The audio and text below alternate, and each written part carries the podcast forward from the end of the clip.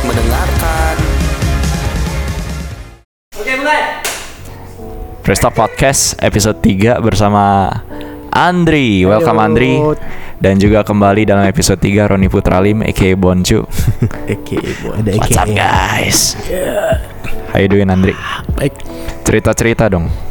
Cerita Kehidupan ya? selama pernikahan.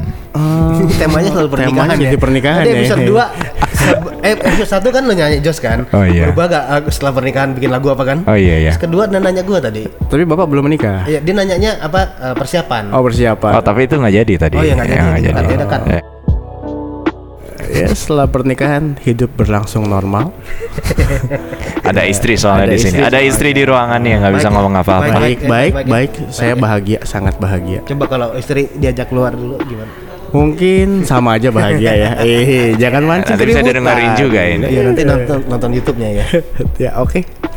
Andri ceritain dong perjalanan lu di musik dari Ah, awal, dari dari awal awal ya. sekali. Eh, well, eh, papa dulu ngelesin musik tuh, ngelesin keyboard. Waktu masih kelas berapa ya? Kelas 2 atau kelas 3 SD gitu. Tapi itu kayak dipaksa les gitu. Jadi sebenarnya aslinya ya nggak terlalu seneng. Cuman mungkin papa lihat aku punya talenta musik karena setiap kali ada lagu aku bisa ikutin tuh di piano dengan cepet gitu. Lu perfect pitch gak? Enggak, cuman perfect heart aja. nice. Oh, pantesan ada yang jatuh cinta ya. Iya terus eh dalam masa-masa itu juga sebenarnya males-malesan sih. Ada kayak pura-pura sakit supaya nggak les gitu. Kirain kalau sakit tuh nggak bakal ya udahlah libur aja. Nggak ternyata bokap malah ya udah papa anterin. Jadi sama aja gitu. Jadi jadi tetap nggak bisa ngeles ya. Jadi kayak cuman ya eh, dalam journey itu eh, journey journey itu jadi kita belajar banyak terus eh, sampai eh, akhirnya juga berhenti ngeles karena bosan kali ya. Terus ya sisanya belajar sendiri gitu. Tapi setelah belajar sendiri ngulik-ngulik ya baru kerasa sih sekarang wah dulu kayaknya lesnya kurang sungguh-sungguh ya jadi nguliknya harus lebih susah Lebih lama ya, lebih lama kalau kalau dulu pada belajarnya serius kan jadi lebih jago mungkin ya nguliknya jadi lebih gampang gitu Dulu orang tua juga musisi. Ya bokap sih penyanyi ya Hmm. di gereja kebetulan. Oke. Iya. Itu huge influence. Iya. Pengaruh yang besar buat lo Iya, sebagai perkembangan. ya cukup besar ya karena Kalau di rumah sering dengar musik apa kalau keluarga? Keluarga ya lagu-lagu lawas sih ya kalau papa ya. Tapi rohani rohani lawas, rohani lawas. Mungkin ya Kus Plus termasuk juga sih kalau papa lagi pengen dengerin lagu sekuler ya. Hmm. Mungkin lagu Victor Huta Barat gitu-gitu ya, yang lawas-lawas gitu. Siapa itu? Iya, aku juga nggak tahu. ya. Aku kenal Victor Happy. Wah, nanti diundang sini ya. Oh, iya. Iya, Diundang iya. ya. Dia juga penyanyi lawas sebenarnya.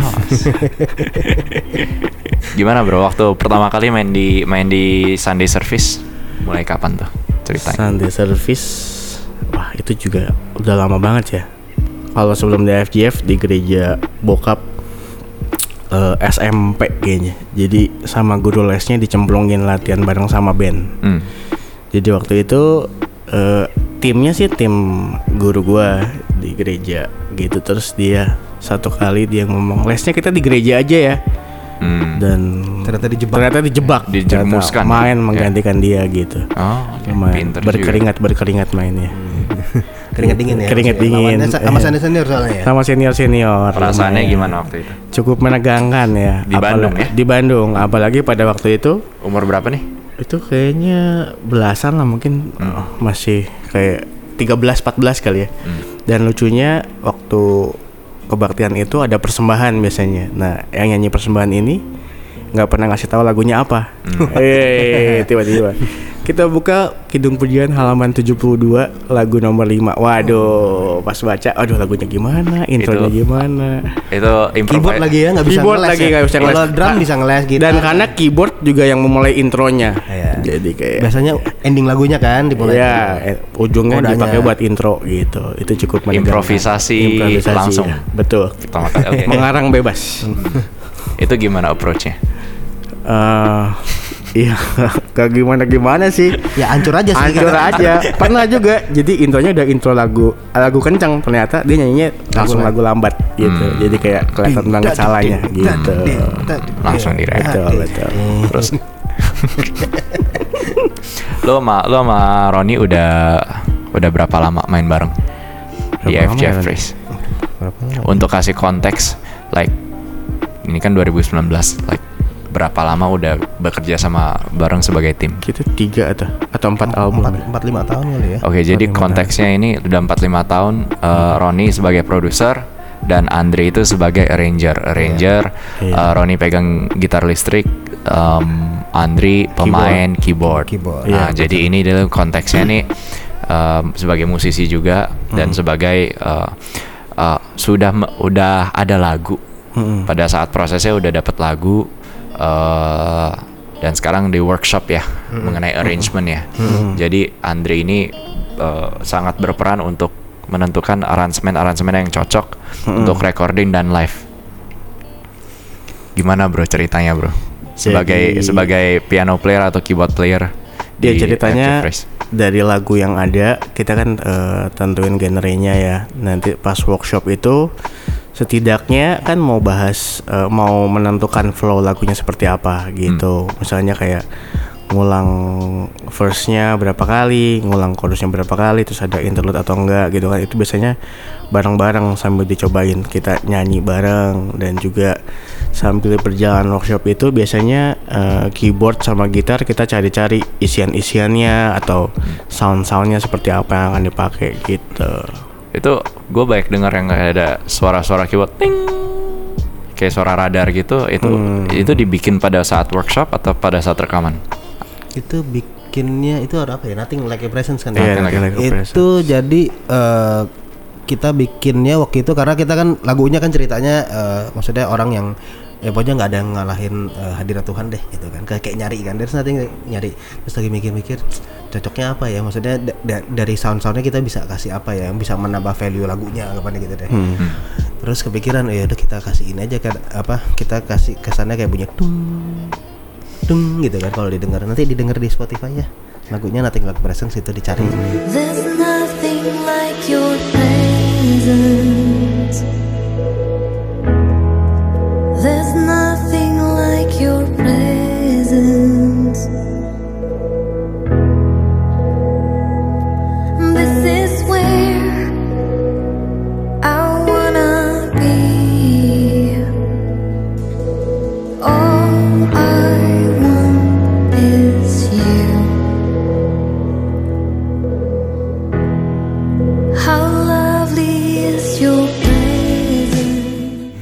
Bunyinya itu jadi kayak kesannya itu kayak Kayak lagi naik ra- kapal selam, bro. kayak kapal selam terus radar radar bunyinya dung gitu kan Eh, jadi sonar. memang ya kesannya kayak nyari gitu emang nama soalnya sonar tuh gue bikinnya kayak gitu iya. nice gitu jadi eh, pemanis-pemanis aja sih maksudnya dengan adanya itu kan menambah kayak kesannya kayak lagunya ada value oh ada apa nih gitu Iya, iya, iya. Hmm, walaupun pada awalnya lagu itu dibikin di piano atau di gitar doang bisa dinyanyiin juga gitu nggak Hmm. mesti ada itunya gitu. it becoming a signature Hmm? signature signature sound Iya. Iya. Tapi biasa aransemen juga ditentukan eh, maksudnya setelah ada lirik kita bisa lihat kan liriknya mengenai apa gitu kan. Hmm. Nah, nanti aransemen atau sound-sound yang dipilih juga bisa mengarah ke sana gitu. berapa lama sih biasanya untuk mencari sound seperti itu Wah, kalau sound lumayan sih untuk satu lagu ya kita bisa kadang-kadang dua hari gitu. Hmm.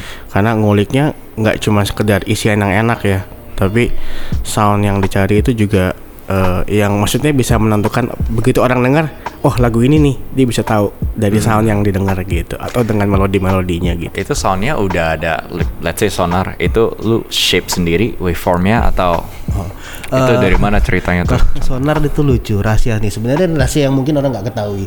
Itu tuh bunyi metronom.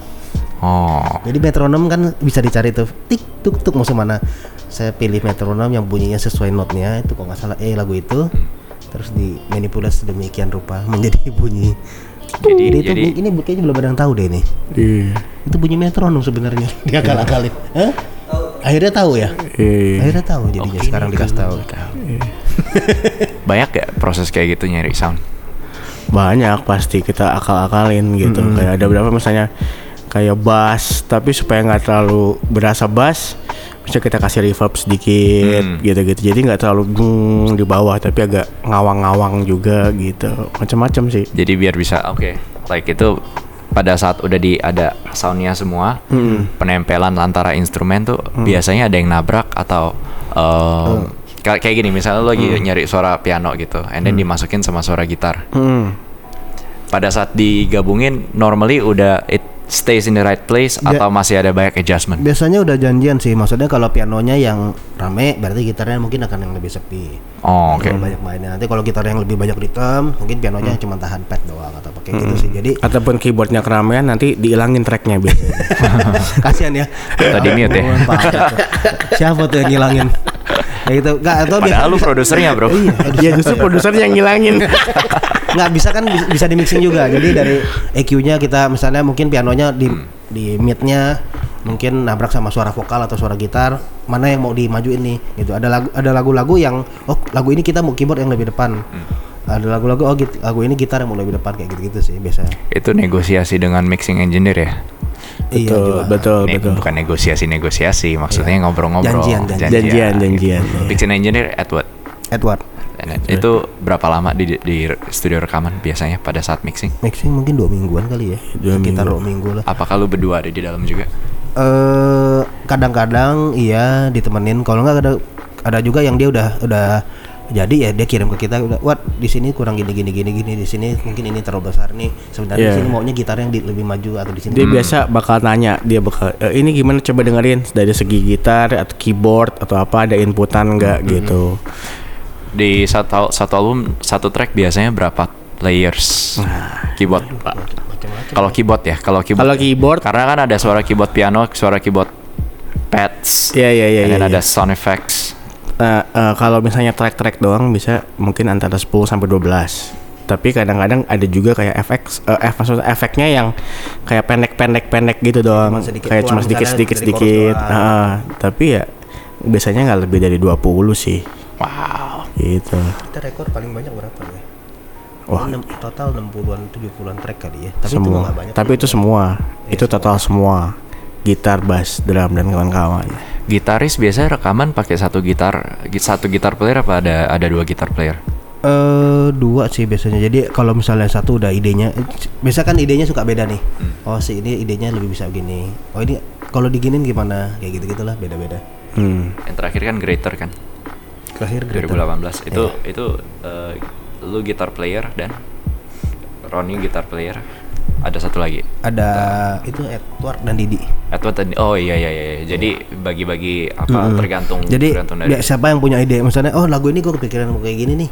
Hmm. Kita coba oh cocok gak? Cocok. Kalau nggak cocok ya tanpa sakit hati kita bilang nggak cocok ya dia oke aja. Maksudnya siapa nih gitu. Keyboard pokoknya semua deh. Maksudnya kita kita kan tahu tujuannya yang penting bikin album yang bagus. Hmm. bukan bikin album yang gitarnya paling bagus, Hmm. bukan bikin album yang keyboardnya paling keluar, Hmm. vokal yang paling ini, Kayak- tapi kita bikin packaging yang paling maksudnya sebagus yang kita bisa. Gitu. Yang penting kemuliaan Yesus yang keluar ya. Wow. Amin. Praise the Haleluya. Lord, kan? Ya.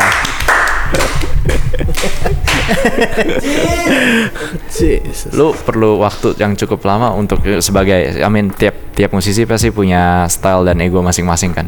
Itu kan perlu maturity, perlu perjalanan panjang itu bisa ceritain nggak? Apa ya? Sampai sampai lu bisa comfortable as a producer bilang lu kayaknya yang ini kurang cocok lu lebih cocok yang di sini. Yang, How, how do you how do you communicate that in a team? Yang penting sebenarnya sama-sama tahu sih maksudnya yang penting sama-sama tahu tujuannya itu memang bukan bukan wah gue kemarin baru belajar sound effect ini nih gue mau pakai dong di lagu mana pun gue bisa pakai bukan di situ. Tujuannya lah gimana lagu itu kita bisa supply dengan musik yang bagus eh, isian-isian keyboard yang bagus isian gitar yang bagus drum yang bagus bass yang bagus yang cocok gitu ya. Dan gue perhatiin kalau misalnya di piano lately yang pakai delay itu lu yang lu yang suka pakai delay kan? Hmm. Itu bisa ceritain nggak mengenai delay itu? How, how settingan lu dan bagaimana lu dapat idenya? Karena kebanyakan yang pakai delay kan gitar. Iya iya iya iya iya. Karena that? mm, tujuannya sebenarnya pakai delay ini mainnya supaya kita simple aja mainnya. Tapi jadi eh, cuman kadang-kadang kalau simple doang kan juga jadi oh jadi kosong gitu. Jadi kadang-kadang kita masukin efek reverb atau delay eh, supaya ya nambahin suasana aja. Tapi main pianonya nggak yang keramaian juga nggak. Jadi cuman ngeblok doang. Paling dengan nada-nada atas di ujung. Nah itu baru dikasih delay sedikit-sedikit gitu. Tapi itu juga eh, butuh waktu berapa lama sih? Eh, butuh butuh waktu cukup lama karena prosesnya kalau dari zaman dulu tuh mainnya kayaknya apalagi keyboardis ya kan oktavnya banyak tuh dari bawah sampai atas jadi kayaknya pengennya semua dipencet gitu Hmm. Ya, itu juga butuh waktu cukup lama buat akhirnya kayak bisa stay di dua oktav bawah gitu Itu sama kayak gue ngeliat mesin kopi bro. hmm. Ada tombol tuh pengen dipencet. dicobain aja semua ya iya, iya. Padahal cuma butuh satu tombol doang ya sebenarnya. buat ngeluarin kopi yang enak ya Apalagi keyboardnya banyak. aransemen untuk rekaman sama aransemen untuk main live. Bedanya apa sih?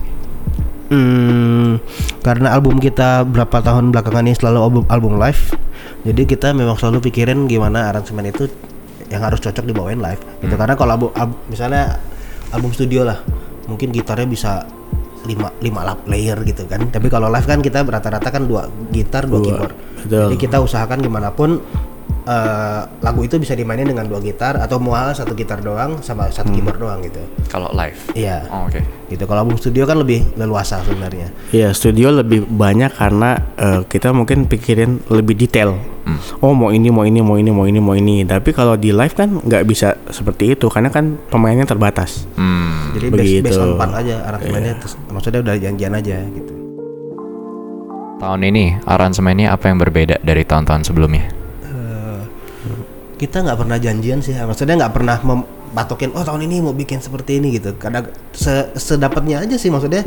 Oh kita masing-masing lagi dengerin lagu apa nih. Biasanya ada pengaruhnya sedikit banyak ada pengaruhnya. tuh, Betul. gitu. Jadi dan juga tergantung lirik isi lagunya kan. Ya tadi kita di episode 2 udah bahas kan. Ya lagunya ngomongin tentang apa? ke- kebangkitan gitu. Tapi lagunya jangan yang minor-minor banget yang sedih-sedih kayak gitu loh. Tapi justru eh, serunya karena kita nggak janjian tapi kayak mungkin karena Boncu dengerin lagu apa, aransemen apa, eh, gua dengerin lagu apa. Nah tapi ketika digabungkan menjadi sound dan aransemen yang lebih kaya gitu.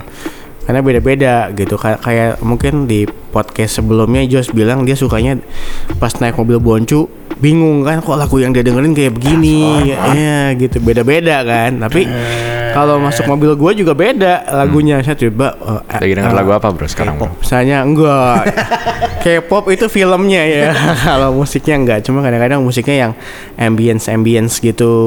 Eh, Jadi kalau dengar lihat eh, playlist Spotify Ambience uploads gitu-gitu. Jadi kayak beda. Tapi begitu digabungkan kan jadi jadi lebih kaya Iya. gitu Oh. secara nggak sadar sih maksudnya ya kayak gitu-gitu didengerin bukan bukan berarti niru ya tapi kita dengerin dengerin tiap hari secara nggak secara nggak sadar tuh kadang-kadang ada pengaruhnya lah pasti gitu Lepas daripada produser dan dan uh, arranger, kalau main live kan dua-dua lu lu berdua pernah uh, kalau misalnya di konser gue ngeliat si Roni jadi music director, Sunday service gue juga sering ngeliat lu jadi music director. Apa yang ada di pikiran kalian sih waktu lagi ditugaskan sebagai music director? On top of yang udah dipersiap, misalnya misal on top of yang dari rekaman versi rekaman, apa yang lu harus disiapkan uh, untuk Sunday service sebagai music director atau untuk concert live? Hmm, dimulai dari sequence-sequence-nya udah disiapin duluan rapi kan. iya Cuma cuma bagaimana lu lu apa yang bisa diceritain nggak persiapan yang butuhkan sebenarnya apa aja? Se- secara bagan mungkin dari sequence kita kan kita udah ada sesuai misalnya lagunya memang per- chorusnya berapa kali verse berapa kali udah ada cuman biasanya kita kita nggak akan eh, kaku Hmm. maksudnya kita kasih mesti kasih space untuk jemaat bernyanyi atau mungkin mungkin kadang-kadang ada lagu yang aduh eh, kayaknya ini lagu berikutnya udah nggak usah nih kita lagu ini aja nih kita terusin terus Hmm. Tapi lu Karena- taunya dari mana? Kayak misalnya kayak ada momen-momen yang perlu di-cut. apa ya kadang-kadang begitu udah tahu aja sih ya maksudnya Ya kita kan juga udah kenal karakternya kayak WL-nya siapa nih. Misalnya kalau WL 1 ini pasti tiba-tiba nih mau ada worship di tengah-tengah terus kayak lagunya ini kayak enak banget nih buat dibawa worship nah itu pasti kita udah bisa predik gitu kayak jadi kita siapin kayak misalnya eh, loop ngeloop di tempo berapa gitu Hmm. gitu-gitu kayak oh ini 68 nih oke kita bakal loop karena kan kliknya jalan terus 68 itu eh, tempo yang enak ya. Iya, Nggak kalau- nggak terlalu cepat, nggak terlalu lambat ya. ada Kalau juga sih yang mungkin di bawah itu cuman jarang secara lagunya FJ Praise 68. paling lambat tuh 65 kalau nggak salah. Lima, ya. 65 sampai 70 Kisaran Ingat gak lagu apa tuh? 65 sebab lebih baik. Sebab lebih baik. Oh iya iya. Oh iya that's Iya, slow iya, man. betul slow Sisanya 68 tuh ya tak, eh tak terbatas 72 kalau nggak salah. 68 tuh alasanku hidup eh apalagi sih lagu Nothing Like Presence kayaknya 68. Hmm. Apaan? It live sama sama eh, rekaman selalu sama ya. rata-rata sama kecuali eh, ada janjian khusus lah, maksudnya if acara khusus nih kita mau eh, rearrange gitu biasanya tapi kalau kayak Super Sunday kan waktu latihannya kan Sabtu itu doang biasanya kita nggak terlalu banyak rubah Hmm. Sequence ngebantu gak? What do you think about sequence? Sequence ngebantu sih, Eh, apalagi kalau jumlah pemainnya cuma empat orang gitu kan misalnya. Oh, Oke, buat listener yang belum tahu sequence, sequence jadi udah pre-recorded material. Ya, Cuma betul. kebanyakan correct me if I'm wrong, kebanyakan itu untuk efek-efek ya. Iya. Betul, yang, betul. yang tapi untuk melodi utamanya masih tetap live. masih main jadi Ya, kayak tetap live. bunyi-bunyi yang agak mustahil dimainkan oleh manusia pada umumnya mungkin gitu kan Ya, mungkin ada sih yang jago banget gitu ada bisa gitu Dan untuk jumlah pemain yang terbatas Iya. gitu. Cuman menurut gue ya jangan itu jangan dijadiin patokan. Wah saya harus kalau mau bagus harus sequence nggak juga gitu. Kita tetap tetap eh, insi- apa eh, sebisa mungkin kalau memang nggak eh, secara sumber daya dan teknikalnya belum ada. eh, sumber daya dan teknikalnya belum ada kita ini eh, simplify aja gitu loh. Baik, betul. Pakai Ya, software apa biasa sequence? Untuk baru yang mau mulai belajar sequencing. Untuk Ableton. play sequence harus Ableton, sih. Ableton. Oh, kenapa sekarang Ableton? ini. Karena kayaknya mungkin satu-satunya yang bisa bisa bagannya mau dibolak-balik, mau maju mundur, mau ganti tempo, mau apa yang ganti key Live tapi. la- uh, live itu Ableton. Jadi dia sampai sekarang. fleksibilitasnya enak banget. Iya. Jadi kayak kan ada beberapa WL yang aduh kalau pakai sequence nggak enak nih jadi kaku bagannya nggak bisa ngulang-ngulang lagi. Nah di software ini bisa. Iya. Gitu. Persiapannya berapa lama sequence biasanya? Kan sequence kalau uh, biasanya awal cycle album sih yang agak repot. Jadi habis kita keluar album kan kita mesti rapin tuh. Tapi begitu ada kan 8 lagu itu udah ada nih. Nanti tiap minggu kita oh lagu A, kita tinggal taruh lagu A, lagu B tinggal. Paling persiapan mungkin kalau setiap Sunday service ya ya mungkin ngambil waktu 20 sampai 30 menit lah. 20 30 menit ya untuk karena kan kita. Oh, iya. masukin audionya Oh, iya. terus bikin marker-markernya gitu. Oh, itu mar- marker penting ya. penting. Iya, karena itu yang nandain misalnya chorus di sini, verse di sini di mana Karena gitu. ketika WL-nya mau ngulang bagan yang di luar sequence, dia akan lari ke marker yang kita tandain. Oh. Gitu. Jadi tinggal pencet ini C chorus. Iya, Ya, misalnya kayak betul. gitu ya. Segala Betul. macam tombol bisa lah kalau Ableton gitu. Oh, Nice. Nice. Gue baru tahu bro. Betul. Setahu gue Ableton itu buat DJ bro. Iya, Ya memang basicnya dulu buat DJ, buat DJ. pertamanya. karena ya itu bisa bisa bener-bener live ngerjain misalnya dia udah isi drum kalau buat DJ nih dia isi drum di mana dia isi ini di mana tempo mau ganti sebenarnya itu bisa di Ableton Terus ada yang Apple satu lagi yang buat instrumen namanya apa? main stage Main stage. Apa Itu buat bedanya keyboard. Ableton sama main stage? Bedanya kalau Ableton eh, untuk jalanin sequence uh-uh. main stage itu isinya kayak bank sound jadi kayak kita keyboard nih keyboard kan soundnya hanya ada di situ tuh dalamnya kan uh, segala macam tuh berapa baris lah misalnya nah main stage ini mem- nambahin lagi jadi sound sound yang kita udah ada kita save di komputer kita bisa play dari main stage Nah, Jadi Iya. pencet satu tombol udah banyak suara keluar. betul sebenarnya main stage itu lebih ke kayak keyboard sendiri. Hmm. Cuman di- dipindahin ke laptop. soundnya keyboard, di- sebenarnya. Oke, Hmm, oke. Jadi oke. kita bawa keyboard, nah tapi di dalam software. Wow. Jadi ke mana pun kita pergi, ya suaranya akan Jadi nggak usah bawa lemari-lemari lah ya. Oh usah ya, nggak usah bawa kulkas, nggak usah bawa, nggak betul. ya. Bawa, jadi Kayaknya tar, akan jadi keyboard player bro. iya, tar keyboardnya mau PSR, mau Casio, mau apa, tapi soundnya Soundnya konsisten, gitu ya. konsisten, betul. Lu lebih suka suara keyboard yang yang dari komputer apa dari dari yang keyboard keyboard? Keyboard keyboard beneran ya. Bedanya Eh, apa sih?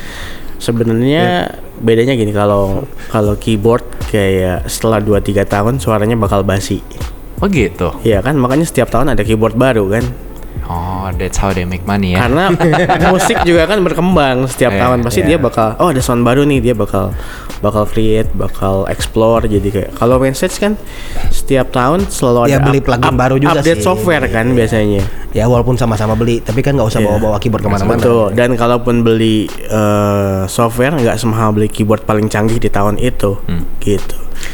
Lu tau kayak kemarin lagi ming- minggu lalu Sunday Service gue main. Eh, kan gue udah bereksperimen sama eh, eh, plugin plugin ampli dari laptop. Terus langsung masuk PA lewat DI ya, gue nggak tahu setupnya gimana tuh si si sound yang itu. Pokoknya colok langsung bunyi di PA Ya. terus yang minggu minggu kemarin gue nggak pakai. Gue nggak pakai laptop. Gue pakai ampli asli. Jadi dari dari gitar Langsung, efek, efek. langsung Ampli. masuk ke Fender Twin Reverb dan dan gue jadi tahu bedanya. Suaranya mungkin sama cuma pada saat lu main ampli asli getarannya itu loh kayak the the the stage is shaking waktu lo main and itu Karena kan secara langsung lu denger dari speaker. iya dan dan itu yang nggak bisa di di emulate pakai komputer ya gak sih? Hmm, ya. lu sekarang settingnya gimana bro? Kalau dari gitar player Ron? Eh, karena lu lu prefer lu prefer live? Sebenarnya kalau ada ampli dan waktu setting lebih lama ya pasti ampli lah. Cuman untuk eh, efisiensi efisiensi sekarang direct aja langsung. direct jadi maksudnya Pakai direct plugin- plugin juga. pakai plugin dari Iya. laptop Hmm. pakai pakai software apa sekarang kalau gitar S Gear kalau nggak salah S Gear. Xgear Heeh, sekarang banyak kok yang kayak dalam bentuk efek juga udah ada kan kayak Hmm. JFI itu yang buatan Indonesia kayak Oh, iya. itu ya. itu keren banget ya company ya Iya. Ini podcast ini disponsori oleh System Oh ya? langsung tag ya GFI terus langsung kirim nggak? proposal. Transfer kemari. Oke ini pertanyaan buat Roni. Ron Per- persiapan gears lu untuk Sunday service apa aja? Ini untuk pertanyaan untuk teman-teman yang baru mulai em, ministering di musik. Dan kalau sebagai gitar player basic-basicnya apa aja sih yang perlu disiapin Yang penting harus punya gitar. iya. Eh itu- nggak pasti punya itu- sih. itu bagus sih. Ya lu Pinjem juga Lo boleh. Saya dulu juga awalnya tuh minjem gitar orang warna ungu gitu dibawa ke mana-mana. Jadi kalau mau ke gereja di Karawaci, misalnya, jadi dari rumah tuh ke tempat rumah dia dulu pagi-pagi, baru jalan balik lagi tuh. Hmm. Gitu, Pulang, balikin lagi, baru pulang gitu. ya itu stay in tune tapi Hah? stay in tune ya Ya kan habis itu stem di di tune. Jadi ke yang penting satu eh, ada gitarnya, terserah mau minjem atau mau beli gitu. Eh, kedua harus ada tuner di stem gitu. Eh, ketiga apa ya? Eh ya kalau dengan musik-musik gereja zaman sekarang sih mungkin harus ada efek ya ya. Nggak bisa kayak clean doang kalau elektrik apalagi gitu kan. Kalau akustik mungkin ya bisa tinggal colok. Kalau eh, gitar elektrik ya harus di harus ada efek gitu. Efeknya ya biasa kalau mau simple gitu simpel simpelnya lah. Misalnya kompresor perlu nggak perlu Hmm. gitu. Ada bagus enggak masih bisa berjalan. Kenapa harus ada kompresor menurut lo? Kompresor itu kan gunanya ini teknis banget loh nggak apa-apa ya. Nggak apa-apa. Kompresor itu kan jadi kalau sinyal gitar nih anggapnya misalnya naik turunnya jauh banget ya ada yang main pelan ada yang main kenceng kan. Kompresor itu dia untuk eh, nyeimbangin lah. Seimbangin jadi yang suara Yang pelan agak suara pelan dinaikin, yang terlalu kencang terlalu tiba-tiba kencang dia dikecilin dikecilin. gitu. Jadi itu rahasianya biar tebal dan nempel. Iya betul. Jadi kalau Jadi dimainin nggak ke mana-mana. nggak Iya. ke mana-mana dimainin apa aja pokoknya satu sound sama bandnya gitu. Iya. Itu rahasianya guys. Terus ya overdrive gitu kan. Overdrive itu apa bro? Overdrive itu distorsi. Distorsi itu apa? ya? Jung-jung Bingung jet. juga. Jung-jung jet. Eh, apa ya bingung jelasinnya overdrive ya. Gitulah nanti coba Google overdrive. Nyetir overdrive ya. bro. Overdrive. Pintar kamu. Siapa namanya kamu? Gem- Terus eh, delay sama reverb gitu. Delay itu untuk pengulangan nada kita tahu dimainin sekali. Pokoknya biar gampang lah. Teng teng teng. Kayak YouTube lah gitu lah Ya, ya. YouTube denger itu Coldplay YouTube. itu banyak pakai delay. Sisaan ya. Iya kalau delay terlambat. Tapi enggak, yang penting musisi harus on time. Betul, itu Gitu. penting. Musisi WL singer. Iya jangan, itu gitaris delay harus on time berarti. ya. Pokoknya semua musisi harus on time itu paling penting kalau misalnya bermain bersama. Iya benar, harus sesuai temponya, betul. Ini, ini, kenapa dia ikut kameramennya jadi Iya, ngobrol nih. Gitaris soalnya. Jadi overdrive lu sukanya apa? jadi naik kamera. Ya, jung. Aduh, aduh, aduh. Gak apa-apa deh. Oke kita ulang ya. Jadi eh, perlu overdrive tadi sama delay. Delay itu eh, ya untuk peng- ya untuk mengulang itu tadi. Jadi notnya main sekali ada ekonya gitu ya. Kalau mau tahu delay kayak apa, denger lagu U2 Where Does It Have No Name itu sangat delay sekali lagunya main pakai itu. Terus sama reverb reverb itu eh, Efek ruangan. efek ruangan gitu lah ya kesannya. Jadi kalau misalnya kita main di tempatnya ruangannya kecil pakai reverb bisa disetting seperti mainnya kayak di hall gede Kayak di GBK. kayak GBK gitu. Cuman semua itu jangan dipakai berlebihan gitu. Sesuai konteks semua yang penting. Dan juga harus dengar satu sama lain ya. Eh, Betul, Dan yang penting tadi itu harus on nabrak-nabrak. time. Harus on ya. time. Tuhan Yesus dipermuliakan. Kalau dari segi keyboard persiapannya uh, minimum gears yang harus dipersiapkan untuk Sunday service. Eh, ya. Menurut lu, Ada menurut lu ada- dan pada hari pada hari ini. pada hari ini ada Juni keyboardnya ya yang pertama. Kalau nggak ada. Karena kalau cuma laptop doang juga nggak bisa ya. Iya, ngetik namanya Pak, Ngetik bukan main. Atau nggak update status Facebook. Bukanya Word. Terus kedua ya kalau saya sih ya ada main stage-nya yang ada di laptop sama ada sound card yang connect ke laptopnya. Hmm. Tapi bukan berarti harus ada main stage ya. Ya bukan berarti harus ada main stage karena kadang-kadang saya pun kalau ke daerah-daerah yang tidak membutuhkan main stage saya akan pakai keyboard PSR organ tunggal. Gitu.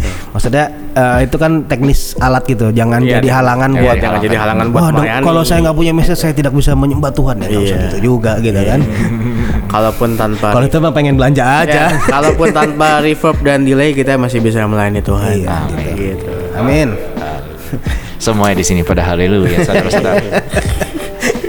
Biasa doa pengen belanja aja, aduh kayaknya perlu nih efek ini. Padahal mah sama-sama aja. Iya. Tapi setelah kalau kalau pengalaman gue setelah beberapa tahun pakai efek pedalboard gede, jadi pengen minimalis bro. Soalnya berat kan? Itu satu. Efek gue udah mulai sakit. itu menandakan umur biasanya. Umur ya. Makanya itu harus ada technician ya. Technician, aduh, Gitar nggak usah lah, kasihan. Nggak usah lah, jangan. Bawa ya. sendiri aja nggak usah Sendiri aja Apalagi kan kita melayani Tuhan ya. itu Ah, kan iya, betul. kita harus berkorban. Betul. betul. ya, ya pegal-pegal dikit ya udah lah. Dikit ya. Lagu favorit I have Jeff Praise. Lagu favorit ya. Kalau yang worship mungkin buat saya Marvelous Cross. How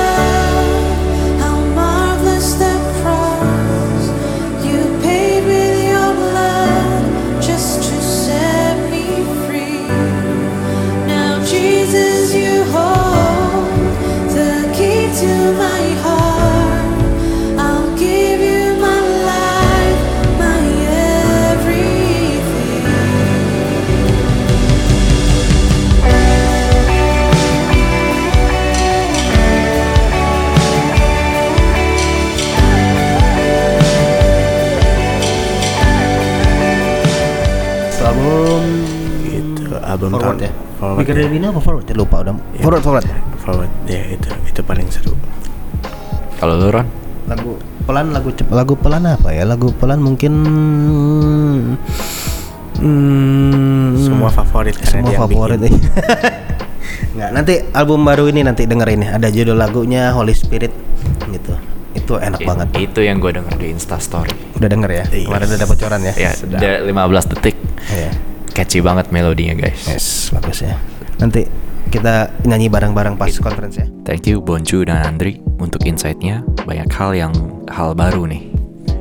Jangan lupa subscribe dan share podcast ini ke sanak saudara, mama papa, teman-teman, siapa aja. Dan pastikan dengerin terus, stream terus. Kalau lagi masak, dengerin boleh. Nyetir juga boleh. Lagi cardio juga boleh. Oke, thank you. Sampai jumpa di episode selanjutnya. Praise Talk Podcast. There's always a reason to praise. Thank you for listening Praise Talk. See you next episode.